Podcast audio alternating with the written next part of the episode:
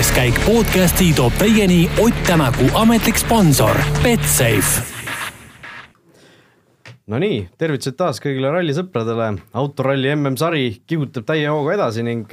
märtsis on meil kavas koguni kaks rallit. kui mõned nädalad tagasi elasime kaasa Mehhiko etapile, siis nüüd on sõitjad ja tiimid ookeani tagant korraks tagasi tulnud ning sel nädalavahetusel ootab siis ees Korsika etapp, millest me siin nüüd kohe ja praegu rääkima hakkame Mirko mikrofonide taga ikka endiselt meie, minu nimi Raul Õessar ja teise, teise mikrofoni taga siin üle laua Karl Kruda. tervitused ka minu poolt. no Korsika ralli, kõigepealt äh, mis sulle esimesena sellega seostub, noh, see on asfaldiralli, see on kümne tuhande kurvi ralli, see on, äh, see on väga raske ralli kindlasti, sa ise oled, ise oled seal käinud ka tegelikult, rääkisime siin enne, kui selle saate käima panime, et oled seda nii-öelda eesautot seal sõitnud kunagi jah, minul on olnud au sõita just äh, Tiimäki jaoks, kuna ma seal kaks tuhat kuusteist sain äh, Tiimäki meeskonnas või ridades üleüldse sõita äh, mõned etapid, siis ka see oli see üks etapp, kuhu ma läksin, et nii-öelda seda legendi teha ja kontrollida ja ja tegelikult siis hommikuti või öösiti ma sõitsin mägedes just Tiimäki rehvi tarnija jaoks nii-öelda seda eesautot, et mitte isegi nii-öelda kellelegi teisele, aga kuna Ott oli ka Tiimäki meeskonnas, et siis mina äh, sõitsin seda, et ma kontrollisin, mis äh, ilmastikuolud on mägedes, et mis oleks nagu kõige ideaalsem rehv valida ja noh, kui palju on märga, niisket, kuiva ja kõike neid asju. et väga huvitav kogemus, aga kui sa küsid mu käest, mis mulle esimesena meenub Prantsusmaa Korsika saarega, siis äh, see, et tõesti, et see on kurv kurvi otsa ja toit on super no see on põhiline muidugi, no aga noh, läheme selle kurvide juurde tagasi, noh seda on räägitud ka kui kaardilugejate jaoks noh, kõige, kõige raskemad rallid, kuidas Martin Järveoja, kel muidu vist tekib äh, selline noh, motion sickness, äh, selline merehaigus autos vist mm., äh, et tema jaoks ikkagi väga noh, veel eriti keeruline see ralli. jah, selles mõttes õnneks on Matu juba nii palju seal kõrval pidanud seda merehaigust kannatama, et tal hakkab natukene mugavamaks see elu nagu minema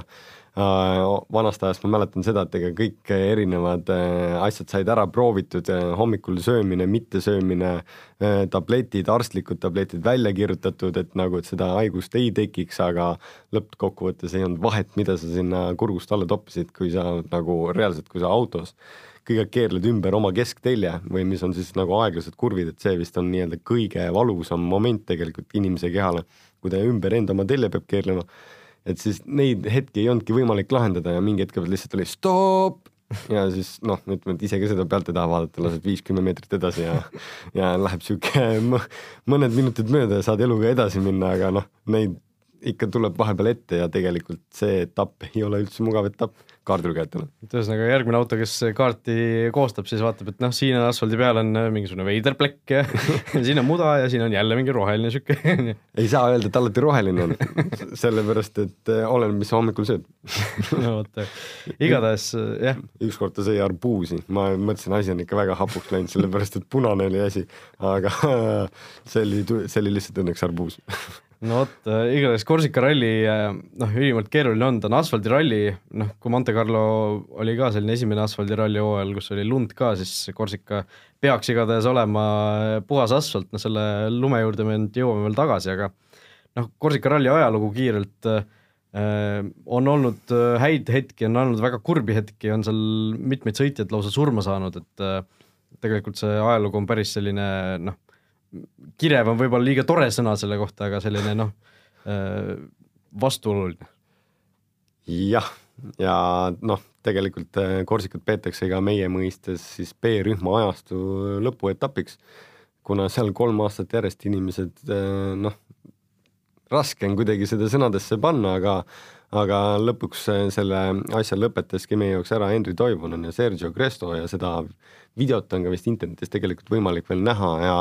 mure seal siis eh, keerles ümber bensupaakide, kuna ei ole täna, tänapäeva mõistes nüüd on selleks ajaks välja arenenud nagu turvapaagid, mis on siis švammidega ja nii-öelda karbonfiibritest ja asjadest, et ta nii-öelda deformeeruks, kui autol on avarii, et ta nii-öelda ei, ei hõõrduks ja ei nagu ei tekitaks kuskilt otsast sädet, sest eh, nende puhul oligi see, et eh, mäe küljest pandi alla, mis võib-olla ei olnudki nii-öelda kõige valusam hetk,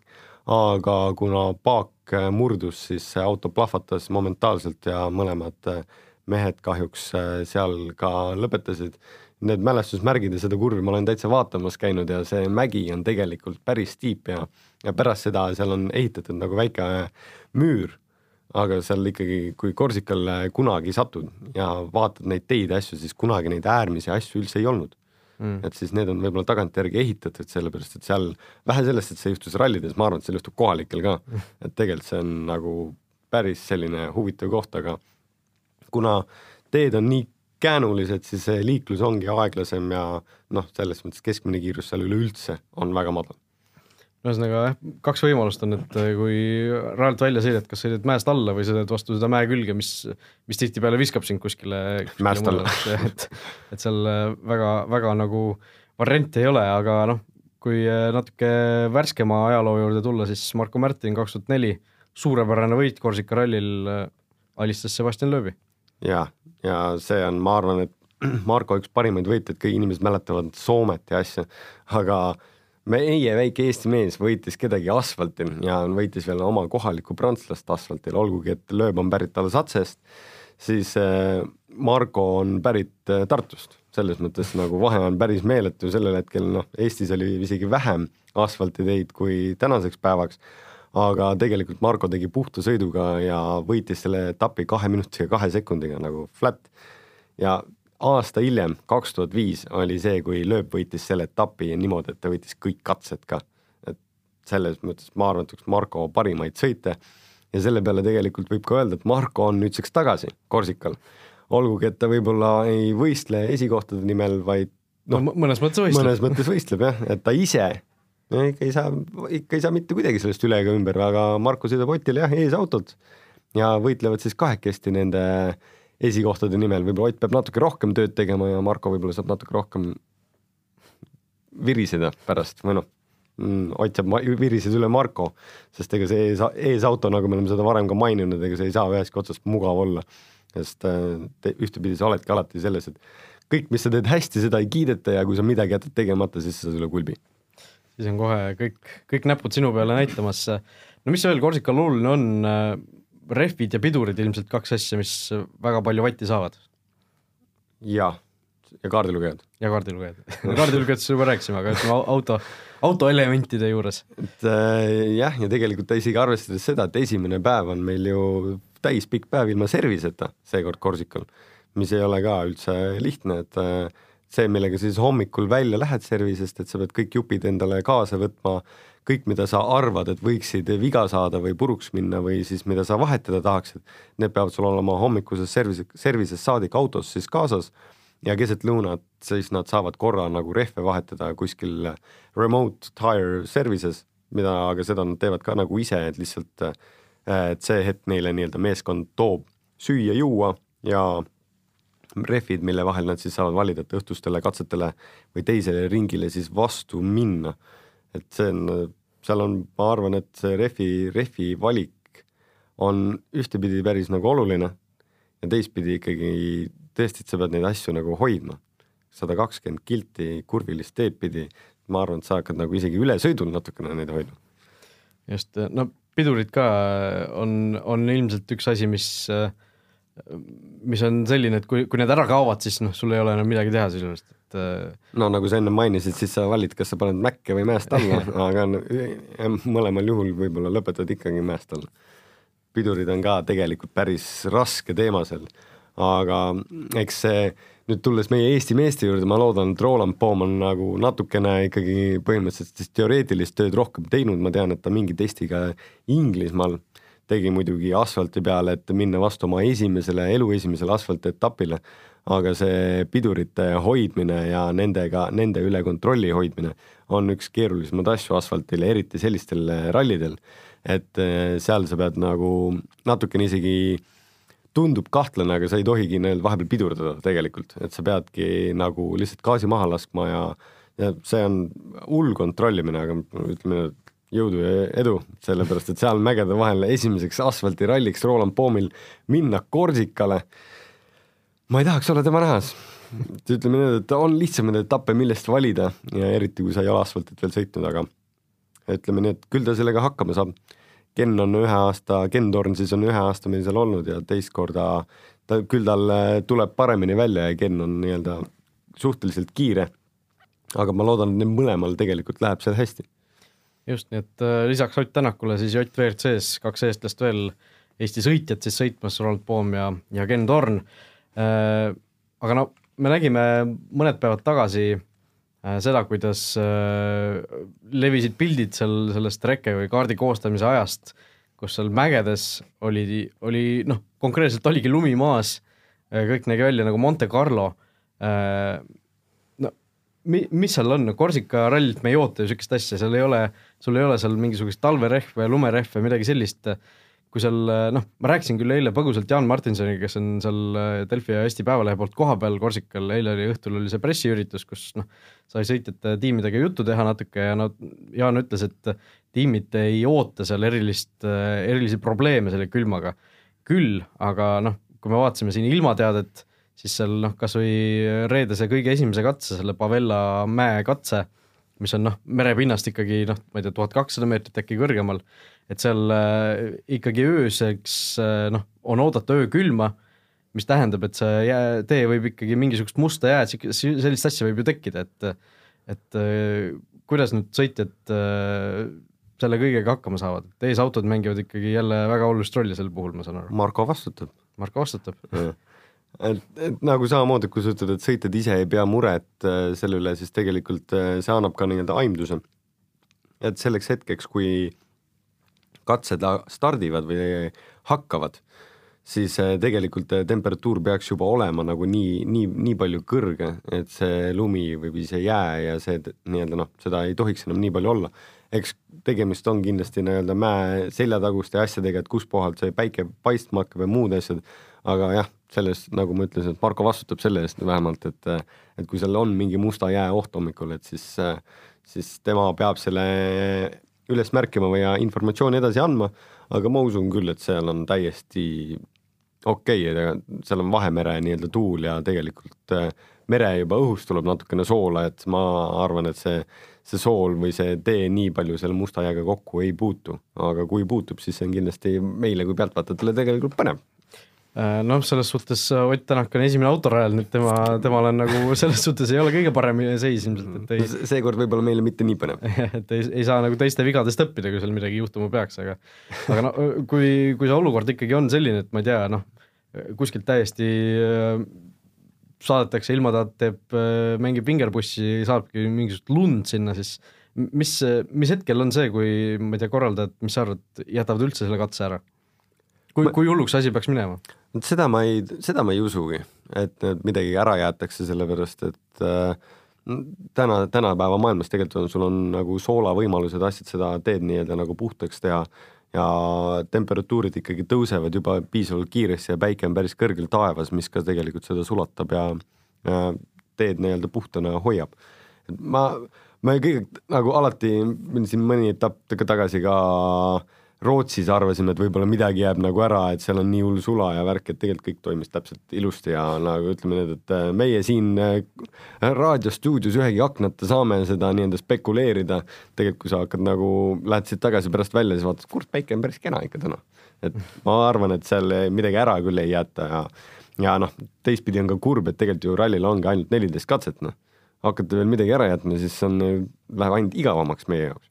no neliteist katset äh, tegelikult Korsika kohta on päris okei okay tulemus, et ma ei tea, kas, kas see oli eelmine või üle-eelmine aasta, kui oli, minu arust oli ainult kümme katset, midagi sellist, et noh, Korsika on alati nagu vähe katseid olnud, et et tegelikult äh, seal ei ole kunagi olnud erilisi neid publikukatseid, mis äh, teistel rallidel tihtipeale, no eriti Mehhikos kas või juurde annavad. andi, annab jah, seal nagu nii-öelda saldole juurde, aga aga noh, see, sellest hoolimata katsekilomeetreid kolmsada nelikümmend seitse, teame, et sellest aastast maksimum on kolmsada viiskümmend, nii et et ega seal Korsika ralli korraldajad, ütleme, võtsid nagu maksimumi põhimõtteliselt sellest, mis võimalik oli. no maksimumi annab sealt võtta, tegelikult Tour de Course siis nime tule, tuleneb üldse sellest, et äh, selle ralli või kunagi käis see ralli üle terve nagu saare, et siis see nii-öelda nagu jalgrattasport ja noh, ralli olid nii-öelda siis sarnase terminiga, et tegelikult seal olidki, et sa lõpetasid üks päev ühes linnas, järgmine päev nii-öelda teisel pool te saart teises linnas ja selleks aastaks siis see mis on seal ka huvitav, et kuna seal on teed nii aeglased, eh, siis iga, no põhimõtteliselt kõik katsed on katsed ja ülesõidud on ka miniatuursed katsed, et neil ei ole vahet, kus nad nii-öelda stardi ja finiši teevad, et nad võivad igal pool seda teha ja igatpidi ja ja katsed ei olegi nii-öelda nagu korduvad, mis on ka selle etapiga tegelikult äh, huvitav ja põnev. Võib-olla natukene Sebastian Loebile vastu tuldud, kui sa nagu mõtlema hakkad, et ainult kaks katset on kattuvad eelmist, eelmise aastaga, ülejäänud on kõik tutikad. selles mõttes kõikidel on nagu uus väljakutse, kõik nad pidid kirjutama ja kaardilugejad pidid oma kätt nii-öelda nagu kulutama. kätt kulutama ja sellele valu andma ja noh, selles mõttes ega kui sa pead äh, ka kirjutama ja sa pead pea maas olema, et siis äh, kaardilugejatel oli ma kindlasti üks väga raske etapp ja lõpuks sa pead need legendid, asjad kõik puhtaks tegema, et sul ühtegi nii-öelda nagu viga nendes asjades sees ei ole. aga äh, tõesti, et kaks katset on ainukesed, millest, mida on nii-öelda nagu eelmistel aastatel sõidetud. Ja on ka Esa-Pekka Lappi tegelikult on, kes on ühte pikemat katset sõitnud äh, aastal kaks tuhat neliteist, kui see oli IRC etapp mm, või ERC etapp. Ja noh, me korra siin kellegi arutasime, et tal võib-olla mingi eelis sellel katsel on, et sa tead, millised kohad võivad üllatada või milline betoonijupp teeb mingit lõiku nii-öelda natukene võib-olla libedamaks või kus on nagu rohkem just pidamist. et tal ühel katsel on nagu väike eelis teiste ees, aga muidu on tegelikult äh, kõik on uuesti uuel katsel peal ja peavad endast andma maksimumi kolmandal läbimisel siis, selles mõttes, et kaks korda saad sa tutvuda ja kolmas kord sa paned täiega just, no läheme natuke selle ralli, ütleme soosikute juurde ka, võtame siin appi ka hea toetaja Betsafe'i koefitsiendid, et äh, seda natuke ilmestada. Äh,. ralli võitja äh, on siis äh, soosik number üks äh, Betsafe'is vähemalt Ott Tänak, järgnevad kohe Sebastian Ogier, Ott Tänakul koefitsient siis kaks, kaks seitsekümmend viis, Ogier'l kolm viiskümmend ja järgnevad siis äh, Terri Neville kuus null null, Chris Meek kaheksa, Sebastian Loeb üheksa äh, ja noh, siis juba Jari-Mati Latvala, Elvin Evans mõlemad kaksteist, Esa-Pekka Lappi viisteist, Tanis Ordo kakskümmend viis, Teemu Sunninen kolmkümmend viis, keegi teine viiskümmend,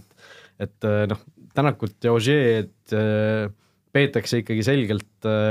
kaheks meheks, kes siin selle võidu võiksid nii-öelda ära jagada, et et no mulle tundub, et selle, just see Ogier väärtus on justkui siin, siin parem, et noh, ta on, ta on nii palju võitnud, ta on nii palju kogenud seal Korsikal, et ja noh, hooaega tegelikult väga korralikult ka alustanud kahe, kahe ralli võiduga juba, kuigi ta ei ole MM-sarja üldliider, et et ma arvan, et Ogier kolm viiskümmend on natukene parem väärtus kui Ott Tänaku kaks seitsekümmend viis, kui, kui niimoodi vaadata mm,. selles mõttes ma jah, sul on, ma arvan, et niipidi nagu õigus et, äh, et need coinfeed'id pead ise, koefe pead ise nii-öelda nagu jälgima ja mõtlema ja hindama, et kuidas sa, kuidas see, mis see kõige magusam punkt on, aga selleks korraks minu meelest on kõige huvitavam see, et on tehtud meeskonnasisesed võistlused, mis on siis näiteks, kui sa võtad äh, Toyota meeskonna või Hyundai meeskonna, siis seal äh, nii-öelda Hyundai meeskonna siseselt või Toyotas siis näiteks praegu, kui äh, Shakedown on hetkel käimas, siis eh, Chris Meek on Shakedownil kõige kiirem ja tema meeskonnasiselt, kes on nii-öelda number üks Toyota meeskonnas, tema kohv on neli. et need, seal on nagu paar sellist nagu mõnusamat kohta, aga seal pead ka nagu meeles pidama, et kui sa näiteks eh, Hyundai meeskonna mõistes võtad, siis tegelikult on nagu see, et Hyundai meeskonnas sõidab ainult üks mees MM-tiitli peale see on eh, Terry Newville, sellepärast et kõik teised sõitjad tema taga roteeruvad ja aitavad meeskonda nii-öelda nagu äh, tiitlile viia, et see selle peale, et kui tekib järjestus, et on näiteks lööb ja, ja tema taga on siis New Will täpselt, et siis suure tõenäosusega need kohad vahetuvad. Ja või neid kästakse neid koht, kohti vahetada, et see noh, New Will tegelikult on üsna nagu lihtne pakkumine, et ta nagu võiks nii-öelda selle meeskonna liider nagu olla samas eh, teistel on lihtsalt need kohvid on natukene paremad, et tegelikult see, seekord on nagu põnevaid asju, mida siit uurida. Noh. jah, täpselt, tahtsin just välja tuua ka, et äh, selle ralli eel on väga palju erinevaid äh, neid kategooriaid siin saadaval, et saab siin ennustada esikolmiku kohta et noh, endal jäi silma näiteks Esa-Pekka Lapp, esikolmiku koht kolm viiskümmend, noh, kui jõuab esikolmikusse, et siis saab raha kolme koma viiekordselt tagasi võitja autot saab ennustada, ehk siis äh, seal on näiteks Toyota kaks, kaks kolmkümmend, Citroen kaks seitsekümmend viis, et Citroen on tegelikult ju väga tugev olnud äh, Korsikal alati ja kaks koma seitsekümmend viis, miks mitte. siis veel noh, nagu sa ütlesid, parimad need meeskonna noh, Meeskonna meeskonnasisesed parem, paremad on ju, ja siis siin ka näiteks ralli liidrit esimese päeva järel, ralli liidrit teise päeva järel, Ott Tänaku koefitsiendid siis täiesti olemas ja lisaks veel päris paras ports igasuguseid neid nii-öelda head-to-head koefitsiente, et kes, kes nii-öelda selle kahest sõitjast saab parema koha ja lisaks on ka veel päevapakkumised, nii-öelda nagu meie mõistes äh, lähed lõunale neli üheksakümmend, siis äh, siinsel puhul on siis, et Ott Tänak juhib esimest päeva on kaks seitsekümmend, et see on jube hea päevapakkumine. Et äh, jah, see tundub, tundub täitsa okei okay., nii et kui, kui siin toome veel mängu selle, et Betsafe'is on ka uue kliendi pakkumine endiselt olemas, et kui teed endale konto ja panustad seejärel vähemalt kümne euro eest vähemalt kohviga üks koma viis, noh, kaks koma seitse on ikkagi selgelt vähemalt üks koma viis, siis Betsafe annab omalt poolt äh, kahekümne viie eurose tasuta panuse ja, ja sellist diili saab kasutada siis neli kuud järjest, nii et kokku siis äh, on võimalik endale sada eurot tasuta panustamisraha võita. Et selle, selle, selle valguses see kaks seitsekümmend Ott Tänaku võit või noh, juhtimine esimese päeva järel tundub päris, päris paras väärtus. jah, lisaks panen sinna noh, võitja auto, asjad, noh, selles mõttes sellele rahale leiab nagu koha ja tegelikult võib nagu päris hästi tagasi visata. et no nagu see, seekord nad on teinud väga põnevad kohvid, noh, mul ei ole mitte midagi öelda. ma olen nagu pikalt neid jälginud ja mõelnud, et kust otsast kõige targem oleks sellele asjale läheneda. Aga noh, ütleme nii, et lõpuks tuleb usaldada Ott Tänakut. just, trust in Ott. Trust in Ott äh,. nii et äh,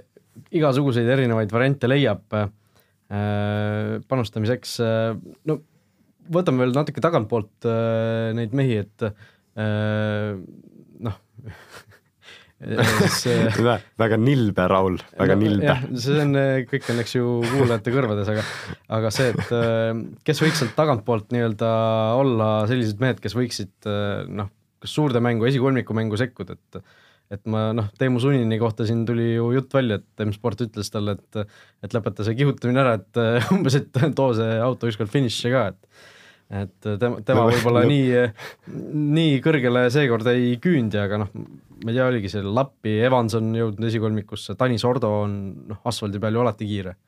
See kihutamine võib-olla isegi Teemu puhul oli nii-öelda nagu hästi öelda, et talle tegelikult öeldi, et lõpeta selle lõhkumine ära.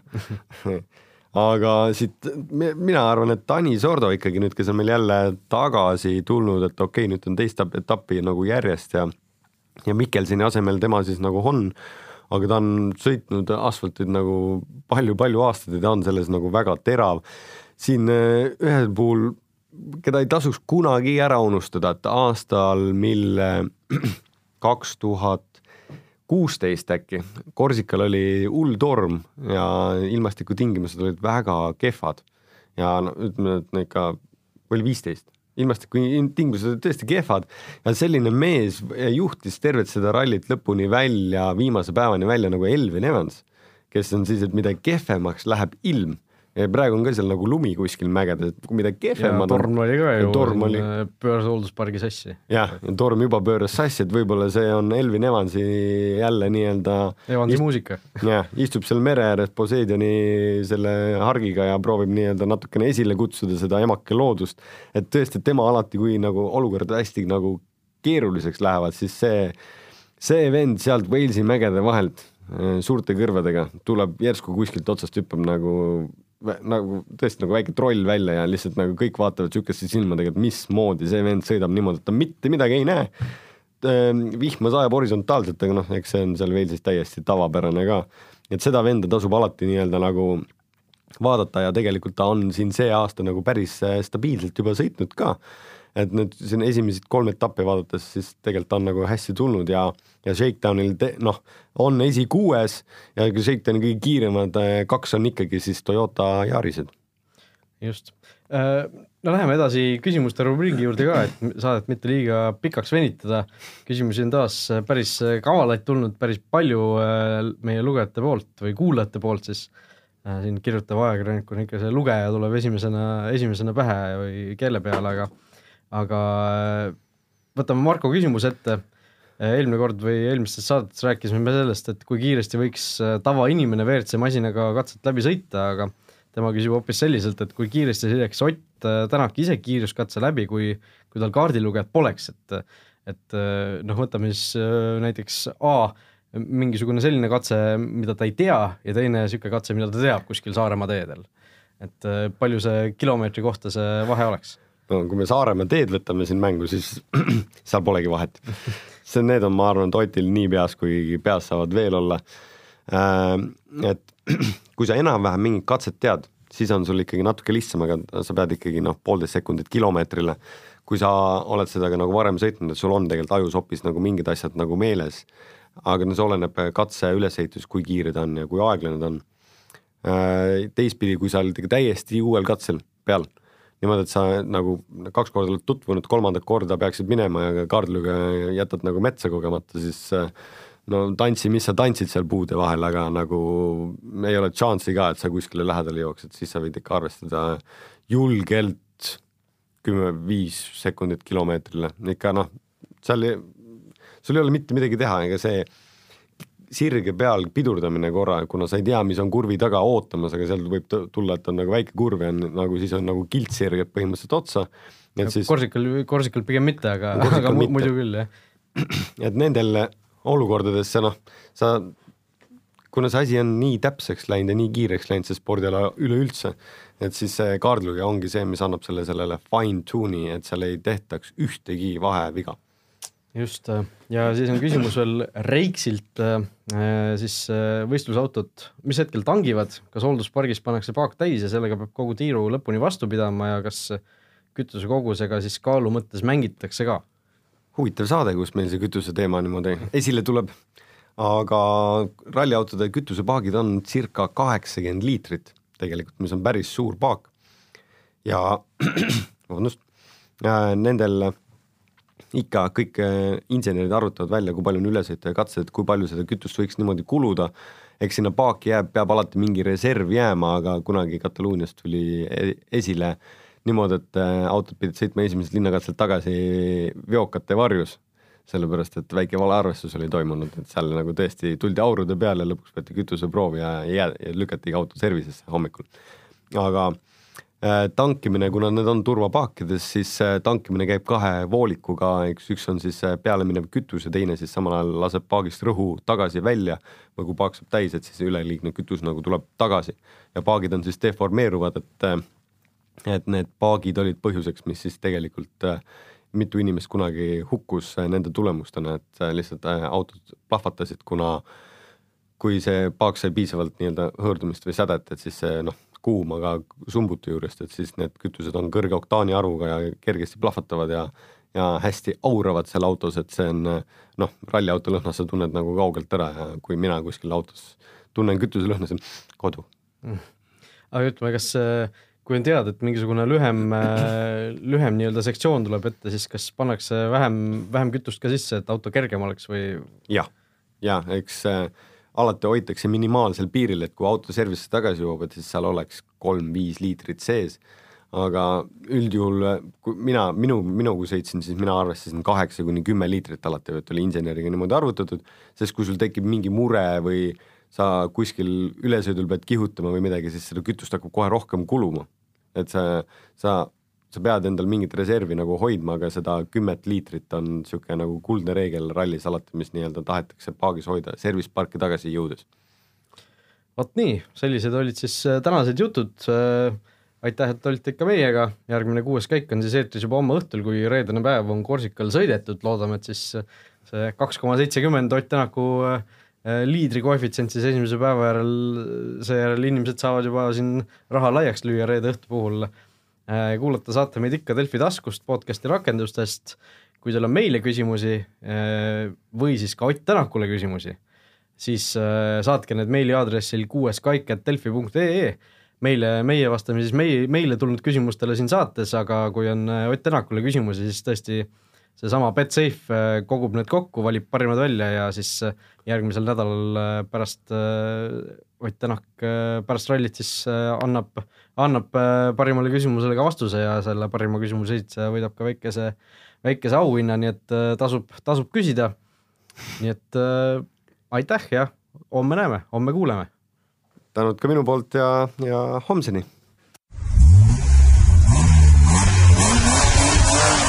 kuues käik podcasti tõi teieni Ott Tänaku ametlik sponsor Betsafe